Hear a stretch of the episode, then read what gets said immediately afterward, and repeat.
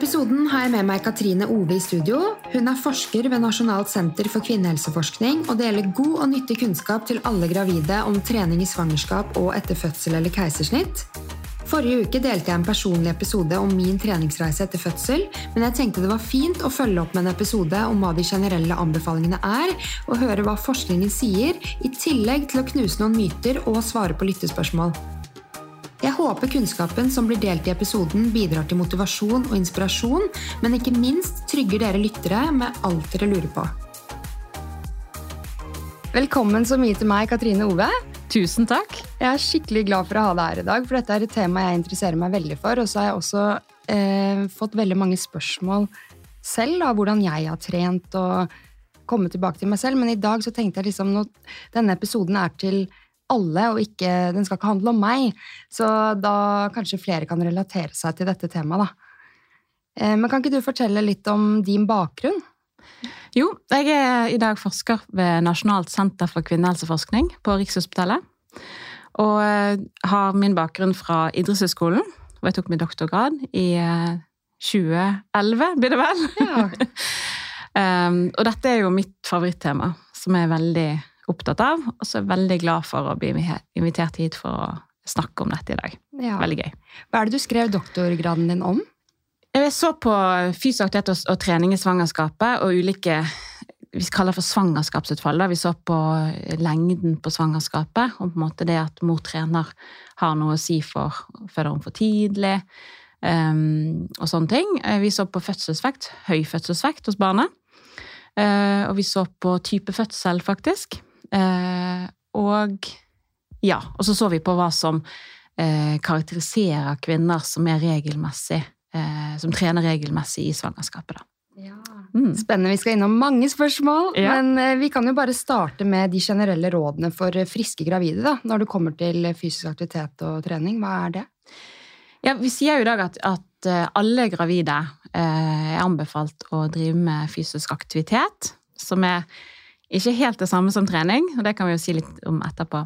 150 minutter per uke og da kan du dele det opp som du vil. Så det er jo sånn ca. 20 minutter med form for aktivitet per dag. Mm. Og så har man delt opp disse anbefalingene, så man sier at de som ikke har trent før, eller vært i aktivitet, fysisk aktivitet før, de kan også begynne når de eh, blir gravid. Men da er det jo snakk om å ikke liksom begynne rett på 150 minutter, men ta det liksom gradvis og bygge det opp, sånn at man ender opp med 150 minutter. Mm. Og de som har vært mye aktive før, at de eh, kan fortsette omtrent på samme nivå. Men dette ser jo Vi kommer til å komme mer inn på ja. mer detaljer rundt det, men sånn overordnet så kan man stort sett fortsette som før. Med noen tilpasninger, da, etter hvert som måte, man blir eh, ja, går utover i svangerskapet, magen vokser og kjenner mm. på både det ene og det andre. Mm. Ja. Hva er forskjellen på fysisk aktivitet og trening, da? Fysisk aktivitet er jo all bevegelse som vi gjør med kroppen utover det å hvile, som på en måte fører til et økt energiforbruk. Eh, den tekniske definisjonen. Og så er trening mer den strukturelle, den repetitive, det vi gjør kanskje med et formål om å bli sterkere, kunne løpe lenger, eh, ja, bli mer bevegelig og sånne ting. Få bedre helse, for eksempel. Komme i mm. bedre form. Eh, det er trening. Og så pleier jeg å si at all trening er fysisk aktivitet, mm. og så er ikke det all fysisk aktivitet som er trening. Nei. Nei. det gir mening, da. Um, men kan vi bare starte også med å knuse noen myter om trening i svangerskap? For det går en del myter der ute, og da særlig om spontanabort, eksempel. Mm. Ehm, du har sikkert flere eksempler, men ja, hvilke myter er det vi kan knuse nå? Du, jeg tenkte, Den ene myten er jo akkurat det som uh, Dette her med at man kan faktisk begynne å trene når man er gravid. Selv om man ikke har gjort det før. Og det, det syns jeg er en viktig uh, myte å knuse, for det er veldig mange som har den oppfatningen at ja, men dette har jeg ikke gjort før. Og så får de innspill fra gjerne familie eller venner eller andre. til liksom, ja, men hvis ikke du har gjort det før, så skal du i hvert fall ikke begynne nå. Men mm. det er akkurat det man kan. Mm. Selvfølgelig begynne rolig, gjøre litt.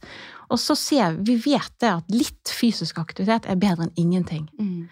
Og du får mye mer vondt både her og der hvis du ligger på sofaen hele svangerskapet. Mm. Så, eh, så, det er på en måte den ene, at man kan begynne, eh, og er anbefalt å begynne, eh, i, selv om man ikke har gjort det før. Ja. Og så er det dette her med at eh, noen er redd for Du nevnte spontanabort. Men det som kanskje har vært mye studert, er jo dette her med for tidlig fødsel.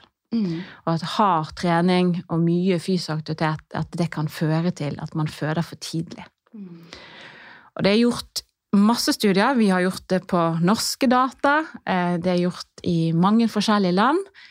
I ulike grupper av gravide, som på en måte styrker eh, det vi kaller for evidensen. da, Mm. Altså styrker resultatene. Og det viser at man har ikke økt risiko for å føde for tidlig. Godt å høre. Ja, det er det. og vi så jo også at faktisk så de som var regelmessig i aktivitet i svangerskapet, at de faktisk gikk bitte litt lenger. Ja. Men uten at det var noe overtidig eh, svangerskap eller noe økt risiko av den grunn, men at de faktisk Det var så bra å være eh, inni magen, antageligvis. Sånn at eh, Eller det vet vi jo ingenting om, men eh, de, eh, de fød, fødte ikke for tidlig. Og at det endrer ingenting på denne si, gjennomsnittlige svangerskapslengden. Sant? Det vi, snakker vi gjerne om 39,3 uker eller noe sånt i Norge. Eh, og det var liksom Det endret seg med én dag Ja. på det meste. Og det er jo ikke noe klinisk relevant i det hele tatt. Nei. Så det er ingen bekymring, tenker jeg, eh, rundt det å føde for tidlig. Eh, men spontanabort, da? For jeg, eh, når jeg ble gravid første gang, så mistet jeg uke åtte. Og så Jeg var jo en veldig aktiv person, og jeg husker jeg løp ti kilometer, for jeg ble så glad når den testen var positiv. Jeg fikk masse energi, akkurat som at kroppen bare ble mer gira, liksom. Og ja. Og så mistet jeg jo noen uker etterpå, og da husker jeg tenkte sånn Hadde det noe med treningen å gjøre? At jeg løp den gangen? Hva har du å si til det? Altså Det der er jo veldig vanskelig å studere. Det er jo på en måte det ene, sånn rent metodisk. fordi at det er jo helt klare etiske eh, dilemmaer med å få godkjent et sånt prosjekt. Man kan ikke sette én gruppe på du, dere skal trene veldig hardt med en gang man får vite man er gravid, og så skal man ha en annen gruppe som ikke gjør det. Det får man ikke lov til. Men man har gjort observasjonsstudier, bl.a. en veldig stor studie i Danmark med over 90 000 kvinner, eh, som så at eh, Som fant at de som trente aller mest, eh, hadde en, en litt økt risiko. Men eh, så er det jo sånn at det var ikke alle altså noen av de som på en måte Noen hadde allerede spontanabortert før de svarte på spørsmål om fysisk aktivitet. Det vil si at da må du, akkurat sånn som du sier nå, sant? at da tenker du tilbake, og så er det jo da kanskje naturlig å på en måte tenke er det noe jeg har gjort sjøl? Mm, blant annet et glass rødvin, ikke sant? Ikke sant? Før Ja. Man eh, testa positivt. eh, Den løpeøkten eh, som var veldig rolig, da, ikke sant? Mm. Det var ikke noe harde ti kilometer. Men man begynner liksom å tenke Er det min skyld at man har mista, Mm. det? Ehm, men ja, så det viser at det er de som har trent kanskje litt hardt, får økt risiko. Ja, så det så man jo på særlig eh, de som på en måte trente, eh, eller de som hadde spontanabortert tidlig, at der fant vi en, fant de en sammenheng. Men det kan jo være sånn at Man vet ikke sånne studier. Det kan være andre ting som spiller inn, em, og som påvirker den risikoen. Og det er jo mange andre faktorer som er, som er med på å avgjøre om det på en måte blir en spontanabort eller ikke.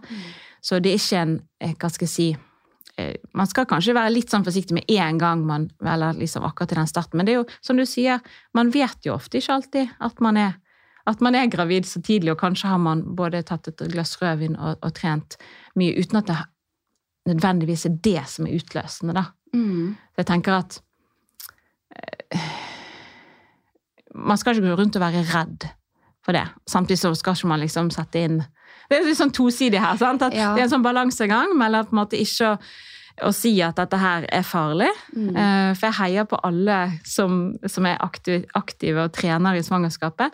Samtidig så skal man på en måte ikke nødvendigvis kjøre sånn full, eh, full maskin. Er det forskjell på de første ukene kontra i andre trimester, eksempel? At eh, man skal ta det litt roligere de tre første månedene?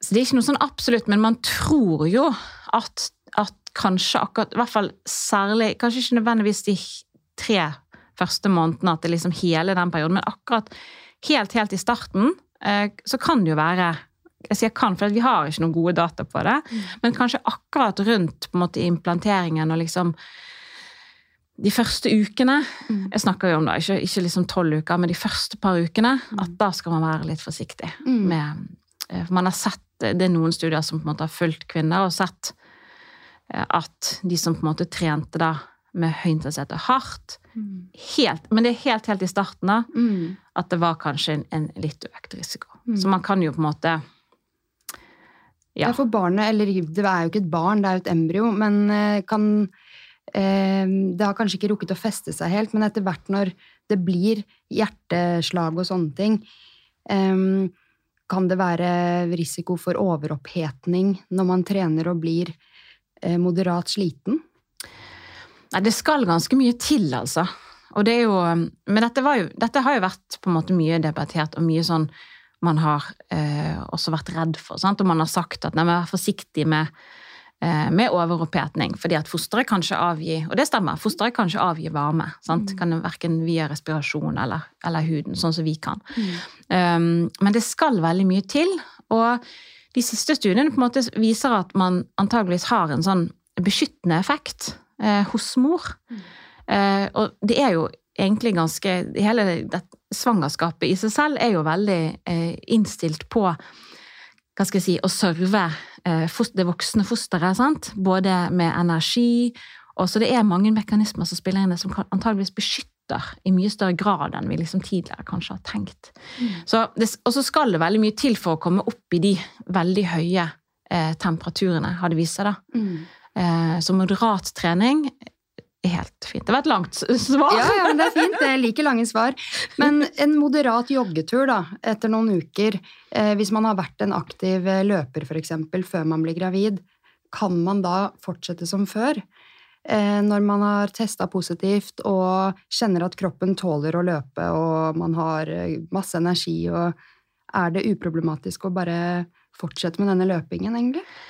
Det er jo Altså, når det er eh, en som har løpt før og er vant til å løpe, så er det ingenting i veien for å løpe gjennom hele svangerskapet. Nei. Eh, det er ingenting som skulle tilsi på en måte at, at det skulle være noe farlig. Mm. Men jeg ville ikke begynt med løping. Det ville jeg ikke. Da ville jeg valgt andre aktiviteter. Ja. Um, for det er på en måte, det er mye støt, og det er klart du etter hvert som, eh, som magen vokser ikke sant, og presser Det blir bare et sånt press eh, nedadgående press mm. mot på en måte både bekkenbunn og, og sånn, jeg, jeg, husker i hvert fall selv at eh, jeg måtte veldig på do hele tiden. Ja, at løping ble problematisk på slutten fordi at det gjorde jo at man hele tiden måtte på do. Mm. Så det er noen sånne prakt men sånn risiko Hvis en liksom tenker på det, så er det ingenting i veien for det. Nei, så det, Du var jo litt innom det i stad, men det, det, kan ikke sette i gang hvis du løper i uke 28, liksom? Nei. Det har vi ingen, eh, ingen, holdepunkter for å si. Hvis Nei. du på en måte er ellers frisk og rask og ikke har noen kontraindikasjoner på noen som helst måte. Og, mm. føler at du, og hvis du føler at det er en aktivitet som du ja, trives med, for det er jo veldig viktig å akkurat finne det som du eh, trives med å gjøre. Sant? Som gir, for det som er jo som man kanskje snakker litt lite om, men som, som er viktig, er jo dette her med, med gleden med å være i bevegelse. Mm. At det gir veldig mye mer eh, enn nødvendigvis liksom god form og alt dette her greiene her. Men at det også er en viktig del av det, da. Mm. Har du noen eksempler på noen øvelser eller aktiviteter man kan gjøre når man har et barn i magen? Som man kan eller ikke eller? Jo, som man kan gjøre, som, eh, eller bør gjøre. Som egentlig alle kan eller bør gjøre. Å ja, det er én ting. Og det er bekkenbunnstrening. Ja. det er kjempeviktig. Uh, uansett. Og det er ikke sånn, og det blir på en måte også en myteknuser, da. Det er ikke sånn at du kan trene deg for stram i bekkenbunnen, sånn at det blir en vanskelig eller trøblete fødsel. Mm. Det er en myte. Uh, det er veldig viktig uh, å trene bekkenbunnsmuskulaturen, særlig hvis du trener i svangerskapet. For da er det en økt belastning på bekkenbunnen. Ikke mm. sant? Um, så det er noe som alle eh, kan gjøre. Og så, er man litt usikker, så bør man søke på en måte hjelp hos der er spesialutdannede fysioterapeuter for eksempel, innenfor kvinnehelse som kan dette her veldig godt. For det er ikke noe vits å gjøre det hvis du gjør det feil. Nei. Det har det ingen effekt. Mm. Eh, for det man tenker på, er jo urinlekkasje. Eh, lekkasje av luft og i hvert fall avføring. Og så er det jo det at når du etter en fødsel, om det på en måte ender med en vaginal eller et keisersnitt, eh, så skal man jo trene denne muskulaturen opp igjen. Mm. Og hvis du har gjort det i svangerskapet, så er det jo lettere å få tak i disse musklene mm. eh, etterpå også. Så um, er det litt sånn knipeøvelser å ligge på ryggen og løfte opp rumpa, stramme? Er det sånne øvelser? Nei, du skal ikke stramme rumpen. Nei. For det er en vanlig feil mange gjør. Så du skal, for du har, hvis du tenker at du har tre åpninger, eh, og nå skulle man på en måte eh, Dette er jo bare lyd, det skulle jo mm. vært et bilde med også. Eh, så kunne man på en måte vist og tegnet. Men det er jo tre åpninger. Man skal trekke sammen de musklene som omslutter åpningene. Mm. For da trekker disse musklene seg sammen, og så blir det et lite løft oppover i, i, og innover i kroppen. Så det er veldig viktig at man ikke verken bruker innside lår eller, eller setemuskelen. Så man kan gjøre det stående. Eh, og da pleier jeg å si at man kan gjerne holde hendene på, på setet for liksom å kjenne at man ikke liksom kniper i setet samtidig som man mm. kniper i bekkenmunnen.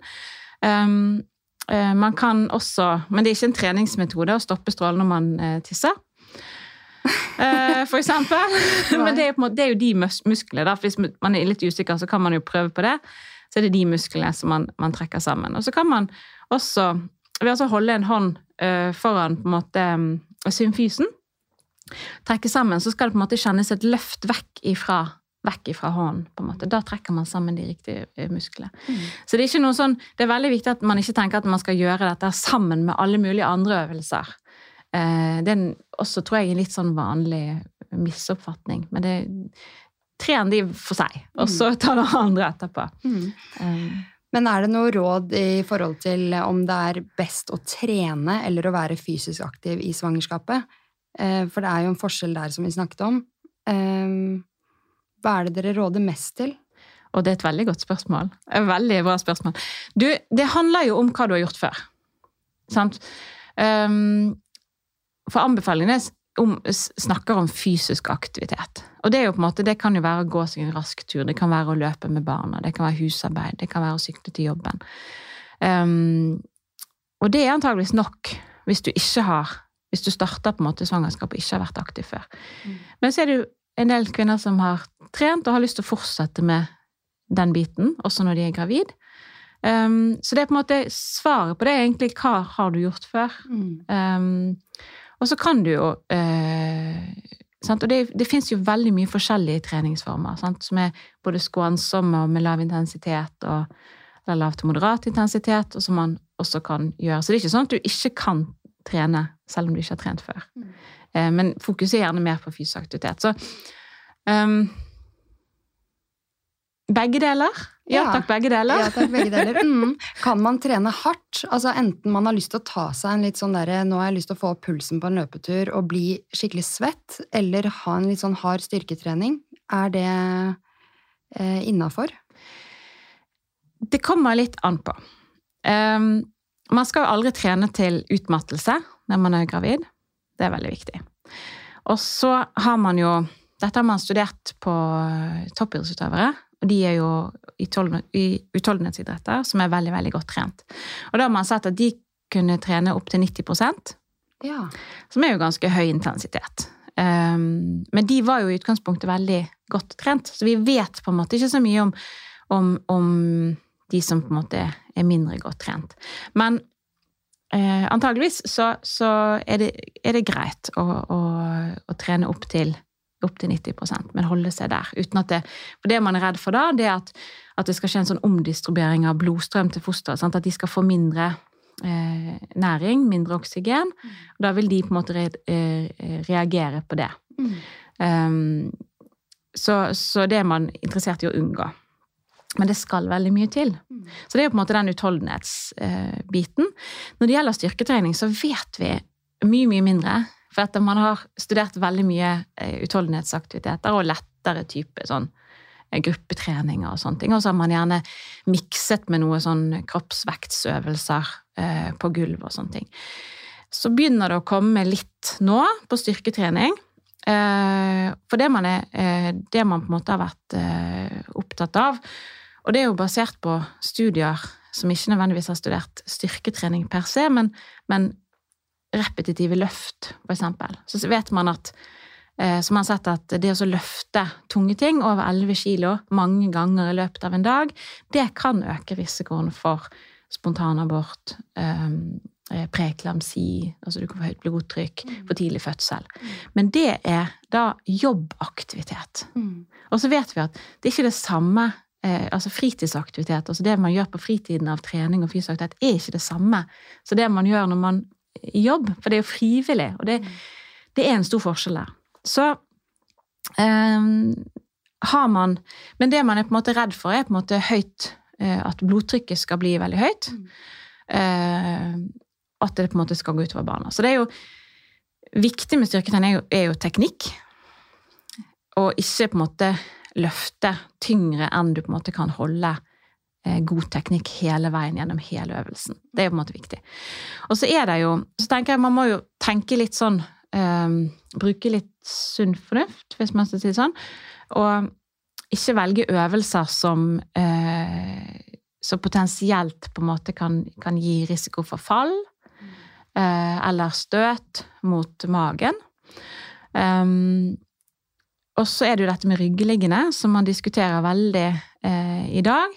Om man på en måte skal, For det, det er noen som opplever da altså når man, Også når man ligger helt flatt uten å gjøre noen ting, så eh, vil jo denne eh, voksne livmoren sant? den vil eh, presse på denne vena cava, store venen inni, inni bekkenet, um, som gjør at du gjerne får et blodtrykksfall.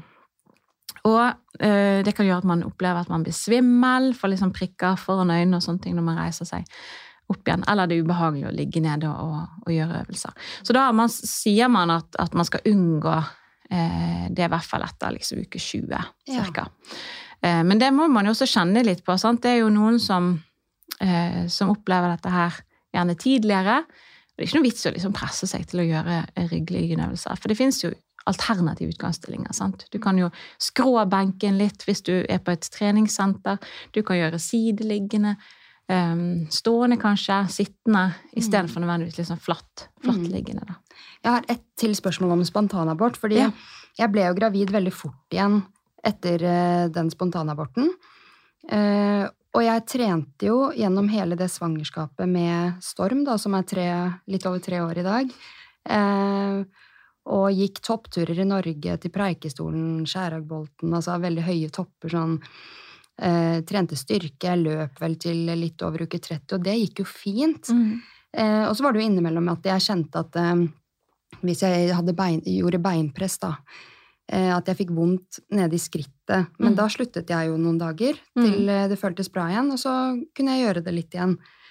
Ehm, så kroppens signaler Altså, jeg lytta veldig til kroppens signaler og stolte på at den eh, ga meg riktige signaler. Mm. Eh, er det noe man bør også ta hensyn til? At hvis kroppen sier at det går helt fint å løpe eh, tidlig, litt som vi var inne på i stad, eller eh, løpe ut i litt over uke 30, så er det på en måte Kan man stole på kroppens signaler? Ja, altså hvis man er god til å Nå høres det ut som du var veldig flink til å lytte til, liksom, til din kropp. Eh, så, så, kan man jo gjøre det. Samtidig så er ikke det på en måte et hva skal jeg si, eh, som vi forskere gjerne sier, et objektivt mål. Men, at, og det handler rett og slett om at når man er eh, en som trener, eh, og er liksom vant til å presse seg, så er man egentlig vant til å ikke lytte til kroppen Når, for å kunne presse seg hardt. Mm. ikke sant? I en liksom ikke-gravid eh, tilstand. da. Så det er ikke sikkert at um, man er. Altså, er, er, man god nok til å lytte? Så noen Igjen, da, så er det på en måte jeg, jeg, kommer mer og mer til det at det er ikke sikkert at det er one size fits all. Eh, for, det, for, de aller, aller fleste, og nå blir det et langt svar igjen For de aller fleste gravide i dag, dessverre, de trenger, de trenger å få høre at de, de må være mer fysisk aktiv. For er det ikke bare 85% som er Eller 15% som er aktive? Som, ja, det vi vet. Vi har ikke gode data på det, det skal sies. Vi har ikke gode nok data, så det trenger vi. Eh, men, men de dataene vi har, de sier at det er 15 som oppfyller anbefalingene. mm. om, om fysisk aktivitet og trening. Det vil si at det er en veldig stor del av de gravide som ikke gjør det. Eh, og så blir jeg da alltid beskyldt for liksom, ja, men da, jeg skjønner ikke at, kan, at svangerskapet kan både være eh, At man kan ha vondtere og ondtere og, og, være kvalm og dårlig. Eh, men, men, det gjør jeg i aller høyeste grad. Men det handler om på en måte hele tiden at litt er bedre enn ingenting. Mm. Så det er på en måte den ene tingen at, at vi må liksom ha den tanken i hodet samtidig. Og så har vi den gruppen kvinner som på en måte er veldig flinke eller flinke da, og er veldig aktive og trener veldig mye, mm. de må kanskje bremses litt. Mm.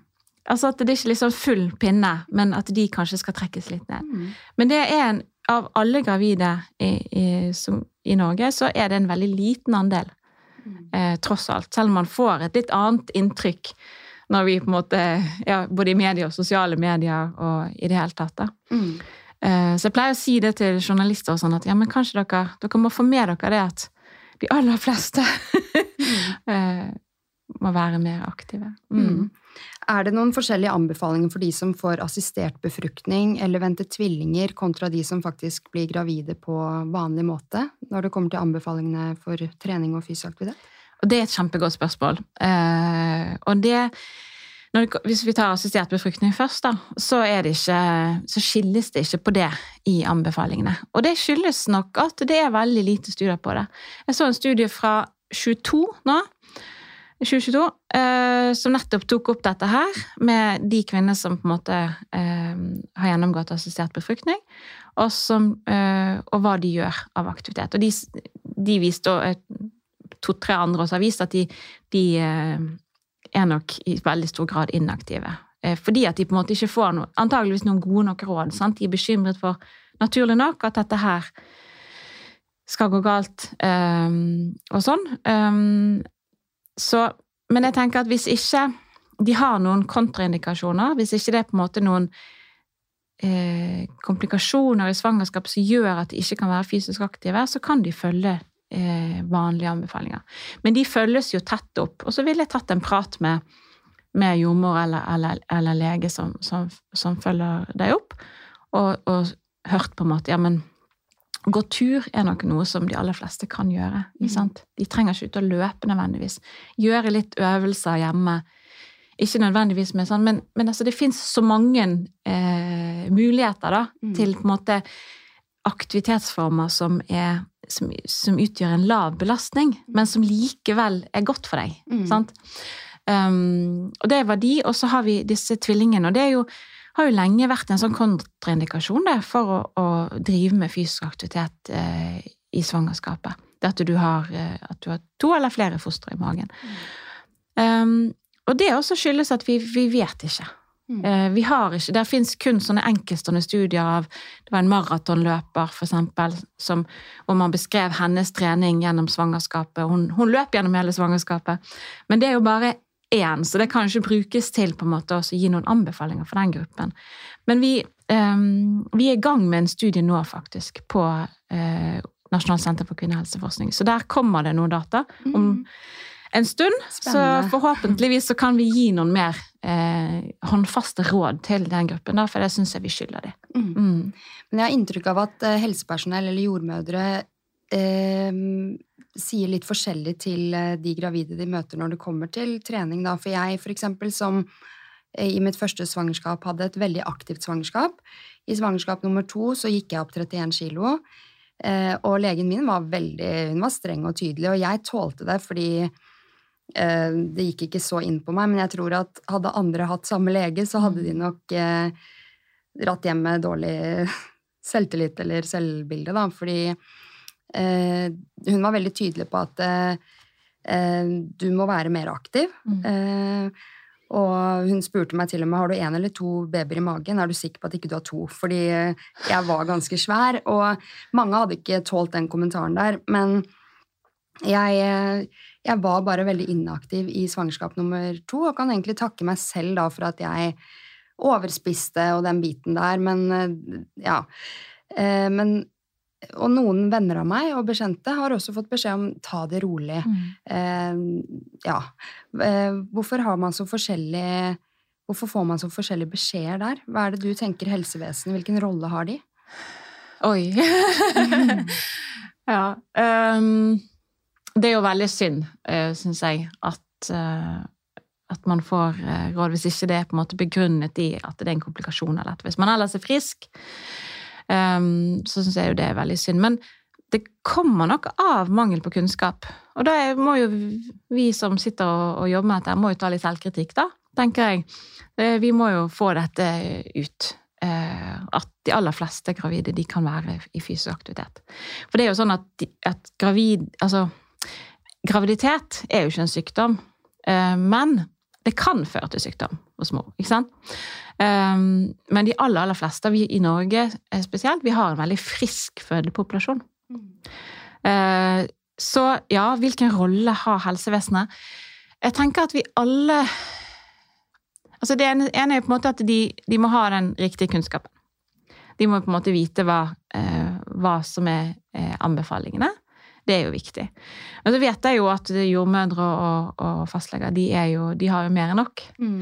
Så kanskje eh, Så fins det på en måte grupper som eh, utdanner seg innenfor fysioaktivitet og helse, f.eks. Så burde man egentlig fått disse til å, kanskje via helsestasjonene, Eh, til å ha type eh, til, tilbud om eh, fysisk og trening da, mm. for de gravide. Mm. For de aller fleste gravide går jo innom, er jo til kontroller i løpet av et svangerskap. Så jeg tenker liksom at kanskje ikke nødvendigvis vi skal pøse på mer på de som mm. jobber der, men kanskje vi rett og slett må, må, må legge til et tilbud, da. Ja. Mm. Er det utelukkende positivt å trene i, i, svangerskapet, eller er det noen unntak hos noen grupper som ikke skal trene? Ja, i utgangspunktet så er det positivt. Uh, det har jeg bare lyst til å si det aller først. Um, og så fins det noen uh, tilfeller, da. Uh, og det er selvfølgelig um, type komplikasjoner som preklamsi, altså svangerskapsforgiftning. Det er jo en veldig alvorlig eh, komplikasjon. De som har høyt blodtrykk, eh, skal også være forsiktige med å trene. Eh, så er dette med tvillinger, eh, trillinger, da. Og særlig hvis de på en måte er De anses jo ofte som et, et risikosvangerskap, og hvis de på en måte er i fare for å føde for tidlig, så er de på en måte ikke Så er de ekskludert. Mm.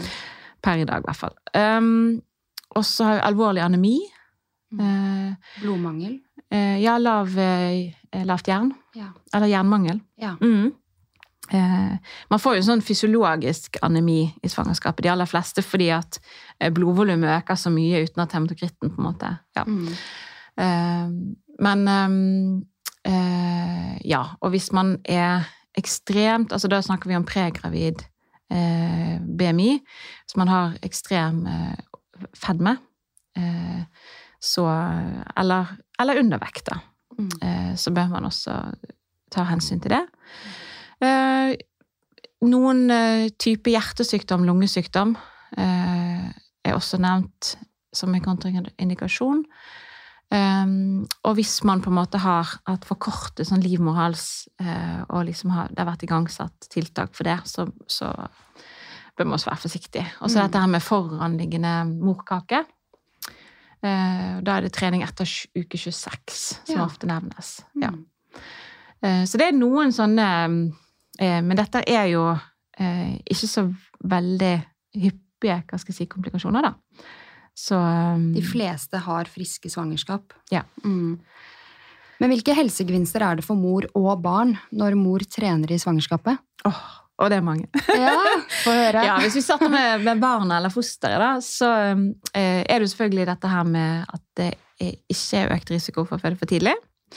Og det er, eh, det er ganske robuste eh, resultater på det, så det kan vi si ganske sånn sikkert. Og så eh, har man vært veldig opptatt av fødselsvekten til barnet. Eh, og da er det ikke sånn at det påvirker risikoen for å føde et lite barn med lav fødselsvekt. Og så reduserer det sjansen for å få et barn med høy fødselsvekt. Så regulerer litt eh, der. Uten at det på en måte Man får færre av de store barna uten at det går på bekostning at man får flere små barn. Mm. Så man liksom klumper seg sammen litt i midten der. Um, man vet lite om på en måte fosterutviklingen. Eh, det og sammenheng med mors aktiviteter. Det vet man litt om. Um, så det er uh, fordeler for barnet. For mor så er det jo uh, Så ser vi nå at de har uh, mye lavere risiko for å få svangerskapsdiabetes. Som også er en veldig alvorlig komplikasjon, som vi ønsker å, å unngå. Um, regulere på en måte, Alle gravide skal jo opp i vekt, men man har også lavere risiko for å gå mye opp i vekt. Um, det kan jo jeg skrive under på. Ja. du erfarte det, ja. Mm. Eh, det vet man. Og så er det selvfølgelig dette her med eh, humør, psykisk helse. Eh, om ikke det på en måte har eh, Så ser man at det har liksom effekt på symptomer for, eh, for depresjon, da. Mm. Eh, og at de som trener og er aktive i svangerskapet, de har de, de Hva skal jeg si den der well-being, altså ja, ja. Velværefølelsen. velværefølelsen. Mm. Uh, og det er viktig, ikke sant? Um, og så kan sant, Det er jo også sånn at sånne plager som uh, Og da har jeg lyst til å trekke frem dette med bekkenleddsmerter. Uh, for vi har ikke liksom klart å se at det, kan, det å trene og være i fysisk aktivitet, at det kan forebygge og få eh, får vondt i ryggen eller i bekkenet. Det ser ut som at det er liksom litt, litt, litt likt fordelt. Mm. Men de som er aktive og trener, de klarer å holde Altså, de, de, de, de rapporterer at det påvirker funksjonsnivå og dagligliv i mindre grad. De klarer å stå i jobb lenger, for eksempel, som er veldig viktig.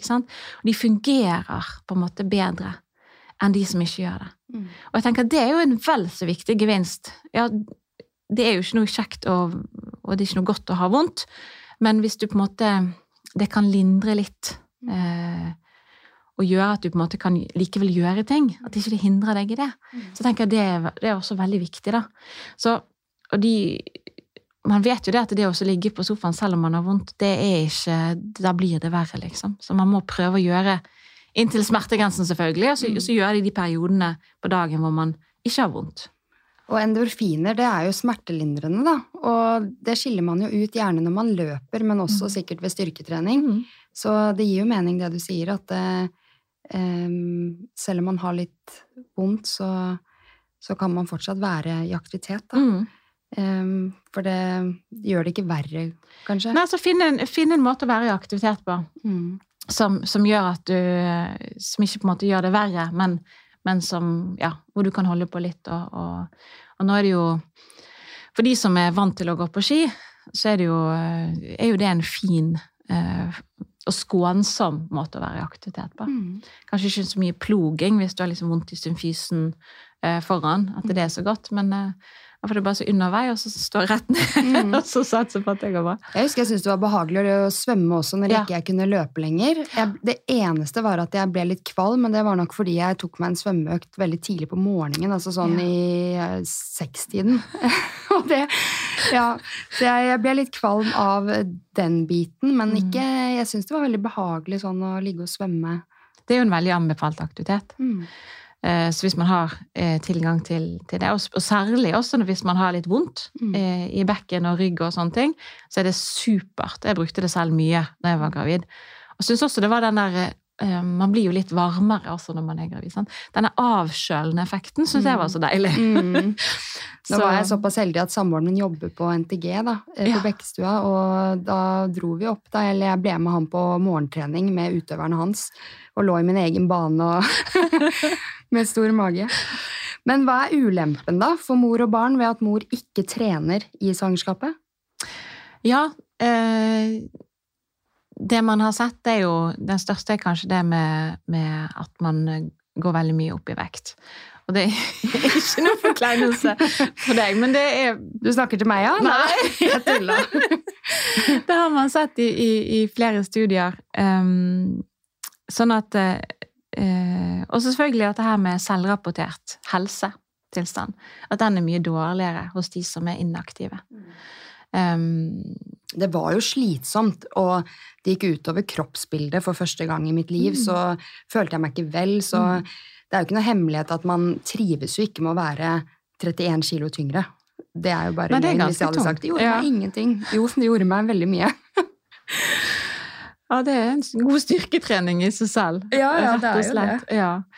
Ja. Sånn at eh, eh, Det er nok den største Det har vært mest fokus på effektene av fysisk aktivitet, og så har det vært mindre fokus da på, på altså mangel på fysisk aktivitet. Men de aller fleste har jo mangel. Eh, og når jo ikke opp. Mm. Um, og det er klart at de, de har med større risiko for uh, en del komplikasjoner. Mm. Mm. Men også ja, altså vektøkning. Og det er klart at det kan jo igjen føre til svangerskapsdiabetes. Det kan føre til høyt blodtrykk, eh, svangerskapsforgiftning. Um, og det kan jo også gå utover barnet, da. Um, ja. ja. Eh, men jeg kjente veldig på, det tror jeg mange kjenner seg igjen i, at eh, man fikk også mer energi, i hvert fall i første svangerskap. Og det er gjerne da man velger å pusse opp hjemme og rengjøre og eh, tjo og hei. Er det noe forskning på hvorfor det skjer? At man kan føle på en sånn derre Nå er tiden for å liksom styre og ordne. Ja, det er vel at man At det blir mer sånn synsing, da. Mm. Men om det er forsket på det for det er en viss aktivitet. Det er vel kanskje litt sånn hormonelt betinga betinget også, sant? Og så er det på en måte den der eh, redebyggingsbehovet som mange får, ikke sant? At liksom Ja. Eh, det har man vel forsket litt på. Mm. Så jeg tror det er ganske sånn vanlig. Jeg kjente, ja, kjente også selv på det, i hvert fall i andre og tredje trimester, at på en måte da da kom energien. Ja, ja, ja. Men jeg tenkte vi kunne hoppe over til eh, trening etter fødsel. Ja. Mm, er det noen anbefalinger for når det er innafor å starte opp løpingen eller styrketreningen igjen etter fødsel? Eller kan man liksom starte opp når man kjenner at kroppen er klar, eh, og når man har lyst? Eh, for noen føler seg jo klar etter noen dager, og det har jeg kjent på i begge mine svangerskap, at jeg starta med en gang med lange gåturer Eh, men nummer to så løper jeg faktisk fem kilometer tolv dager etter fødsel. Veldig rolig da. Mm. Eh, men når kroppen min eh, tålte det, så føltes det så uproblematisk. Men mm. er det noen sånne anbefalinger på det? Ja, altså Tidligere så sa man jo at man skulle vente i seks uker. Men det man kan Det som på en måte anbefaler at man begynner med med en gang, det er jo bekkenbunnstrening, som jeg allerede har nevnt.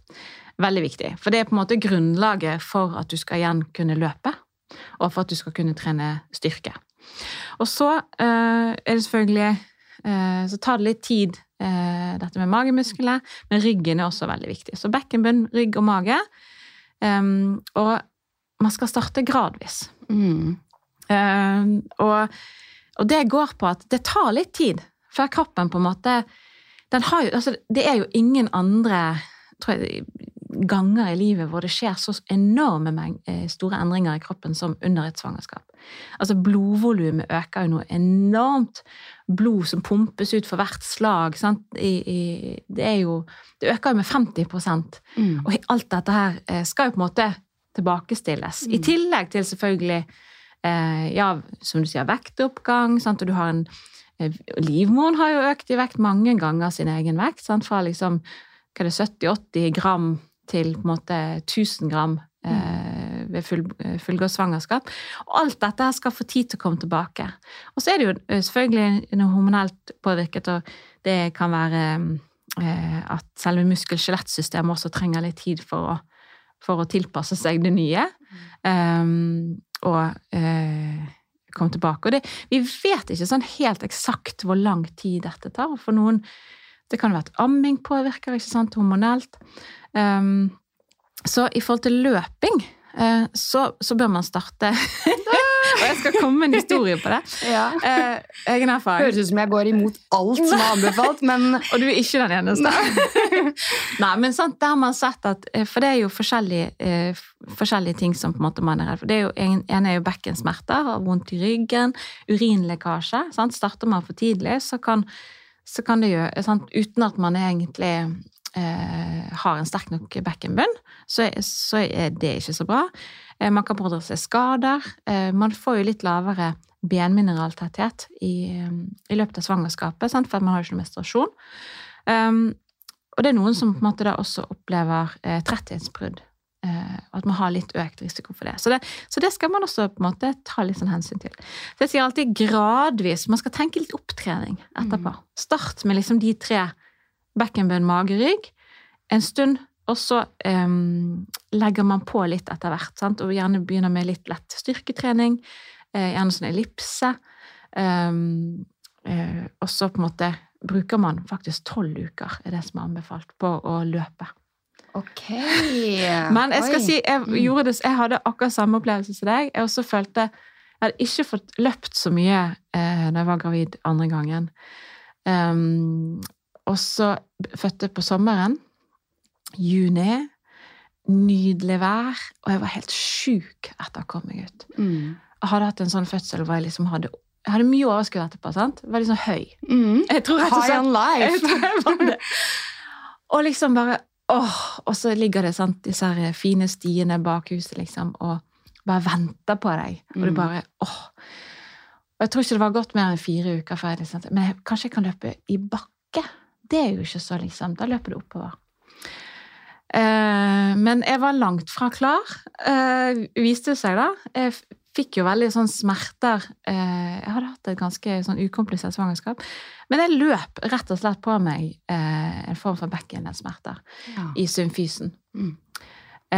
Og, og, du sier at du gjorde feil. Jeg gjorde alle feil i boken. Det kan jeg skrive under på. For du tenker ja, men det gjelder ikke meg. Ja. ja. men jeg føler meg så bra. Jeg har så mye energi. Jeg er mm. ikke sliten. sant? Mm. Hadde, ja. Men det var, det var, vil jeg si um, en lærepenge. Mm. Eh, burde tenkt uh, mye mer opptrening. Altfor utålmodig. Uh, men jeg skjønner også at man er det. Sant? Men det lønner seg i det lange løp. Mm. Og så vet man ikke, sant. Du hadde en god opplevelse. Eh, ja, altså jeg fikk ganske vondt eh, mellom beina, ja. jeg husker Og da løp jeg jo ikke videre Nei, på, mange, ja, i, på mange uker. Så da gikk jeg heller lange turer på to-tre timer mm. med podkast, eh, barn i bærecelle. Så det var jo ikke sånn at det, å, dette gjorde vondt, nå fortsetter jeg med løpingen. Men jeg var så motivert for å kjenne på hvordan er det å jogge nå, så tett opp mot fødselen, når jeg var så motivert. ikke sant? Mm. Men uh, jeg lytter veldig til mine signaler, da. Mm. Um, men jeg hører hva du sier. Og jeg tror mange kan kjenne seg igjen i det å bli litt sånn derre Nå! Nå setter vi i gang. Ja. Og så tror jeg vi også har mange som kjenner seg igjen i det derre Åh, eh, den umotiverte mm. Hvordan kommer jeg i gang med trening? Mm. De aller fleste gjør nok det. Og det er jo eh, sant, og det er jo alt dette liksom, Man kan ha hatt eh, helt ulike fødselsopplevelser. Eh, og det skal man selvfølgelig ha respekt for. Eh, men igjen så tror jeg det handler om å tenke på at, at, litt er bedre enn ingenting. Og det, for det vet vi ganske mye om nå. At det å faktisk gjøre litt har så mye mer å si mm. enn å ikke gjøre noen ting i det hele tatt. Mm. Så gjør det lille du kan, liksom. Uh, og å ut og gå tur er jo noe som på en måte de aller fleste ender opp med å gjøre mm. etterpå, ikke sant? Um, og det også er jo kjempe, kjempeflott, egentlig. Eh, måte på måte å, å, både komme seg ut, selv om man er trøtt, selv om man ikke har sovet så mye den dagen der. Trenger at du i hvert fall skal gå en halvtime, da. 15 minutter. Sett på klokken, mm. gå ut av døra, 15 minutter, snu og gå tilbake igjen. Da har du en halvtime, da. Mm. Så liksom sett, sett, den listen litt lavt for deg sjøl, sånn du, du, kjenner på at ja, men ok, og ble det bare 20 minutter, så ja, men det er bedre enn ingenting. Mm. Så jeg tror man må liksom tenke litt sånn at man Og så er det dette her å avtale, sant? det vet vi jo at det er veldig viktig, det å avtale med noen. Um, om det på en måte er hjemme på dagen, at du avtaler med andre som er hjemme på dagen, eller når, når partneren kommer hjem, at du får det. Og det vil jeg heie litt på, så det er litt sånn her til eh, partnerne der ute. Mm at gi mor litt tid for seg sjøl. Ja, om det er bare en halvtime. Ja. Time det med ammingen. Mm. Eh, kom deg ut og gjør et eller annet, om det er å gå, eller om det er å dra på og svømme, eller på en time på senter. Altså, for det har veldig mye å si for, for velvære? Mm. Og psykisk helse og måte balansen der. Og jeg mm. tror det er kjempeviktig å få den tiden der. Noen kan jo føle at de kommer i sin livs beste form etter å ha født. Eh, vi har eksempler på toppidrettsutøvere mm. som har blitt i enda bedre toppform etter de har fått barn. Jeg kjenner meg igjen i at jeg aldri har vært i bedre form enn det jeg er etter to barn. Hva er grunnen til det? Og det er kjempespennende. Men det er jo for at svangerskapet det er jo det, disse store kardiovaskulære endringene som skjer. ikke sant? Det er jo faktisk en treningseffekt i seg selv. Og det vet vi jo. Dette, synes, dette kunne vi nesten ha snakket om i en egen episode. Mm. Men disse langtidseffektene av bare det å gå og være gravid, det vet vi jo er, er Det vet, begynner vi å få litt mer kunnskap om nå. At det påvirker jo også på en måte sykdomsrisiko senere i livet. Så det følger oss, da. Mm. Og hvis du og da er tanken sant, hvis du da, eh, så Alle får jo disse her endringene sant, med stort blodvolum og, eh, og disse her eh, som på en måte er gunstige. Hvis du da i tillegg legger til eh, særlig utholdenhetstrening sant, og, og, og den biten der, så kan man jo tenke seg at det på en måte blir en ekstra effekt. Og det, det er det vi ser hos type idrettsutøvere som kommer tilbake etter fødsel og blir verdensmestere. Og, og det har vi jo etter hvert ganske mange eksempler på. Men det er antagelig sånn booster. da. Mm. Du får en boostereffekt av både treningen og svangerskapet. Mm. Så det er, det er faktisk reelt. Det er ikke en innbilning. Så det er det som er litt eh, kult. Interessant. Er det ulike anbefalinger da når det kommer til trening for de som har fått keisersnitt, kontra de som har født eh, vaginalt? Ja, De som har keiser, må jo vente til såret har grodd. De er jo på en måte de, Ja, de må jo vente en god stund før de kan gjøre, eh, gjøre så veldig mye. De kan nok begynne å gå ganske tidlig.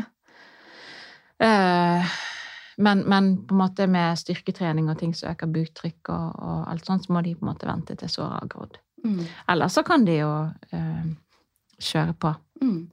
Er det noen helsegevinster for mor å komme i, fort i gang med treningen etter fødsel? Og da snakker jeg moderat, da, at man får litt sånn høy puls, at man kan si gjerne en setning før man må trekke pusten igjen, men ikke den der hardtreninga. Men er det eh, noen helsegevinster for mor? At man setter fort i gang med den moderate treninga?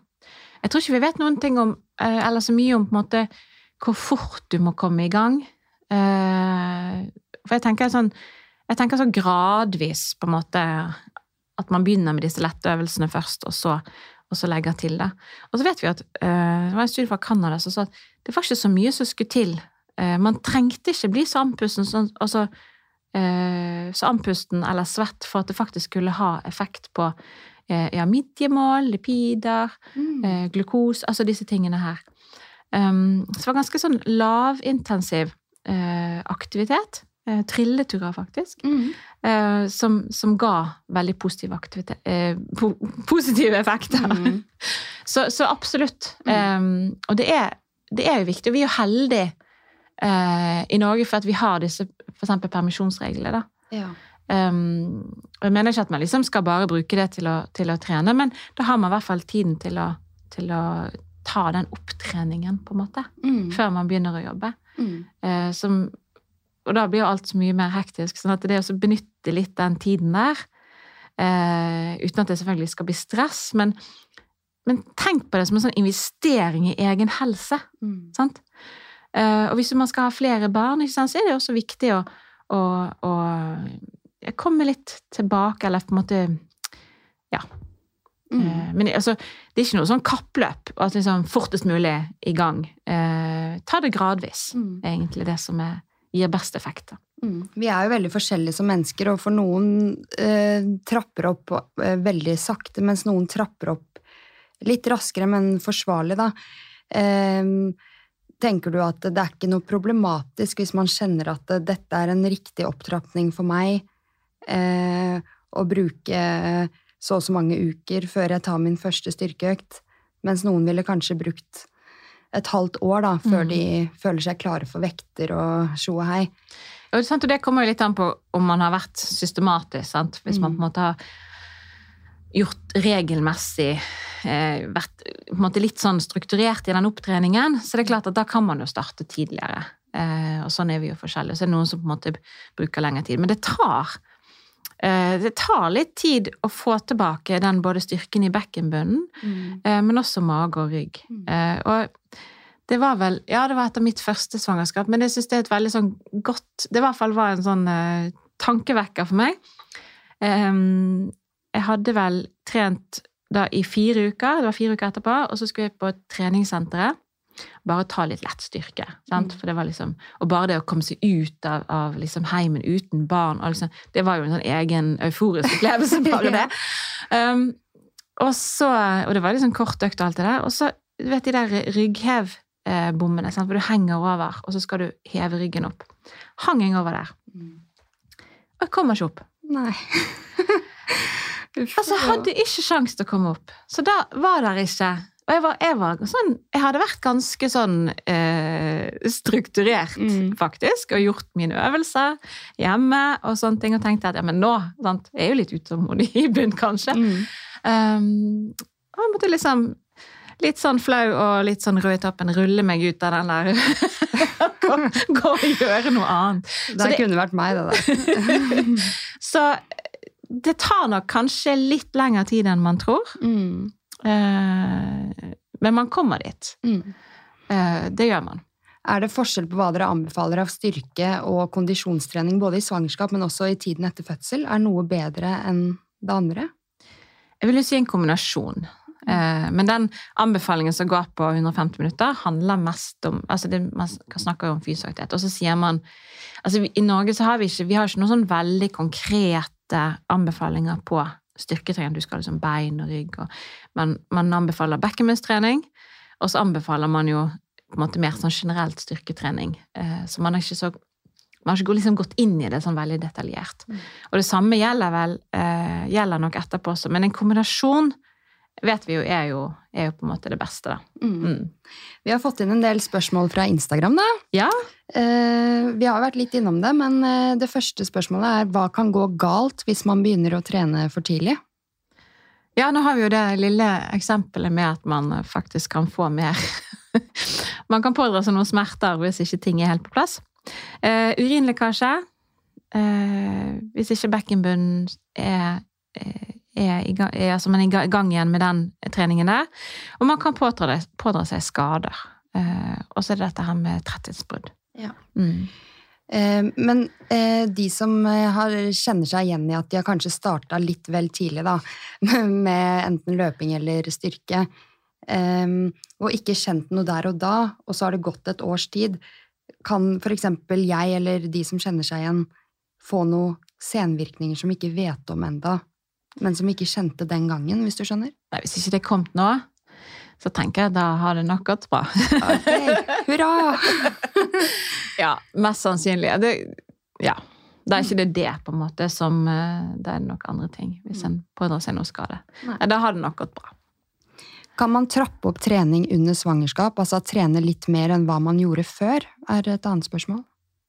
Ja, så Ut ifra at man kan begynne å trene, så kan man jo det. Mm. Eh, samtidig, for det er denne her balansegangen? Eh, å snakke til de som på en måte gjerne er veldig veldig ivrig, så er det på en måte ikke tiden for å perse. Nei. Så jeg, jeg sier det også, samtidig som jeg på en måte sier at ja, du kan trappe opp øh, fordi at du, du Ja, hvis du ikke har gjort noen ting før, men hvis du på en måte er en, en aktiv øh, dame, så tenk vedlikehold. Ja. Mm.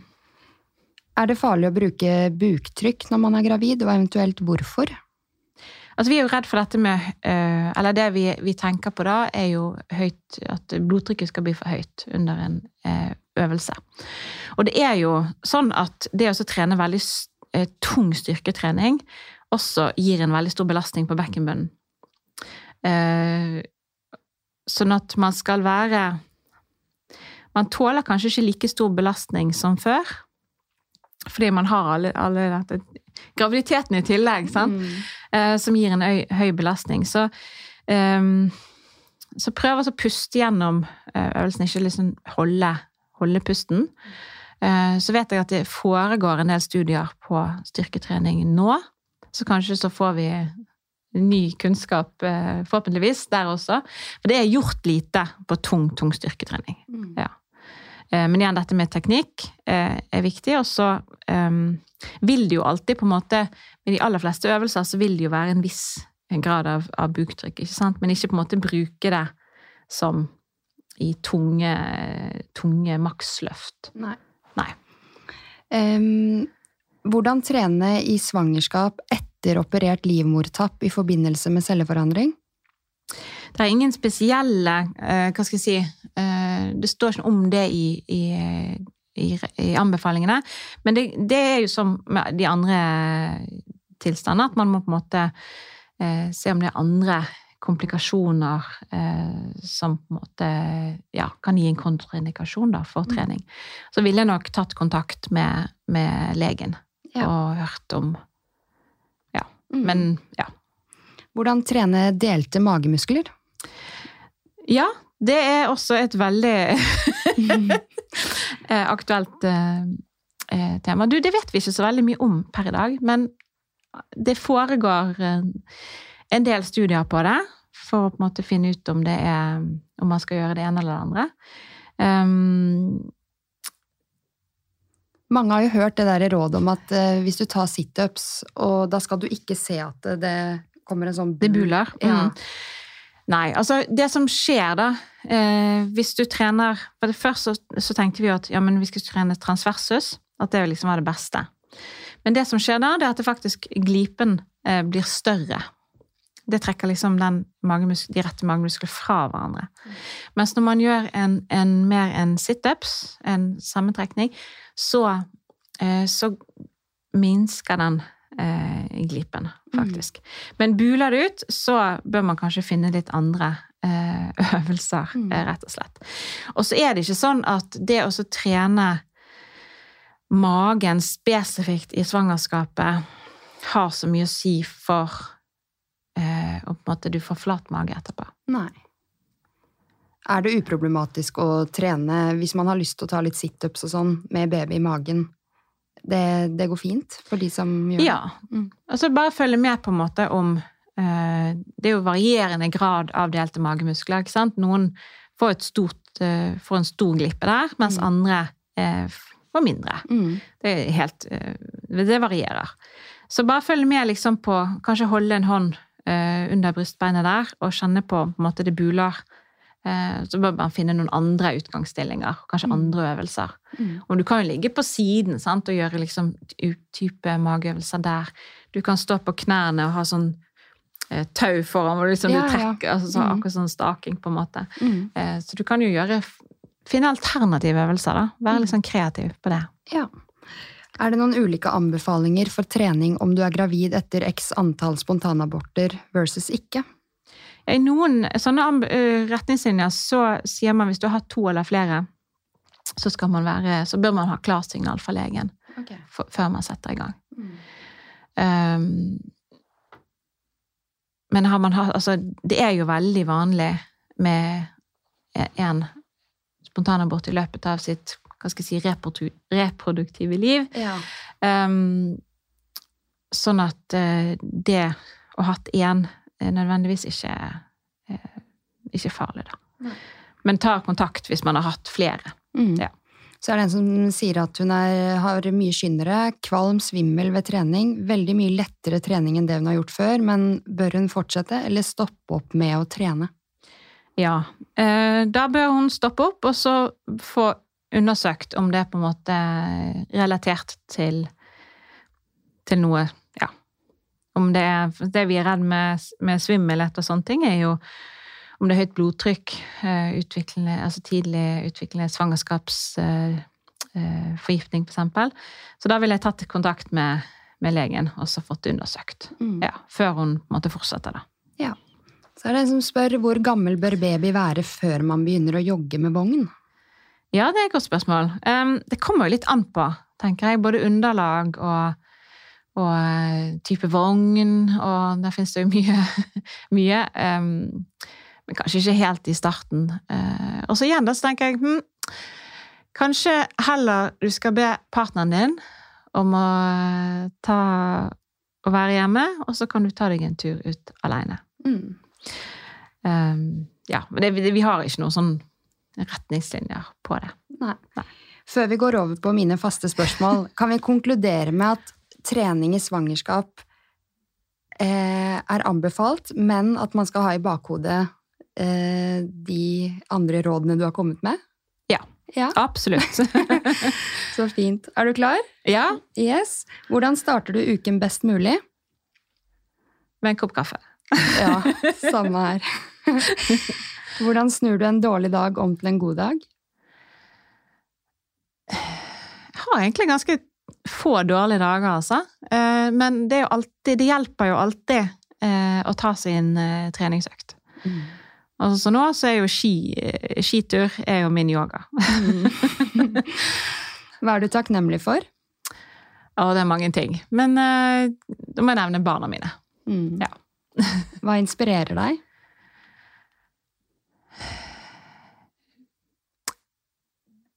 Flinke folk.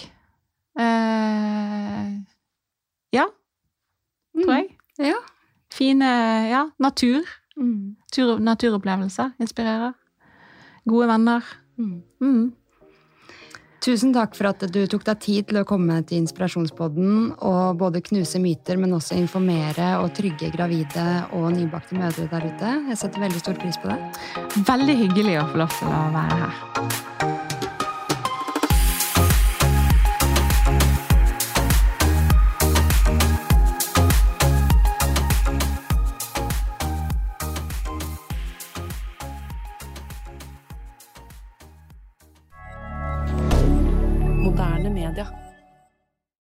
Har du et enkeltpersonforetak eller en liten bedrift? Da er du sikkert lei av å høre meg snakke om hvor enkelt det er med kvitteringer og bilag i fiken, så vi eh, gir oss her, vi.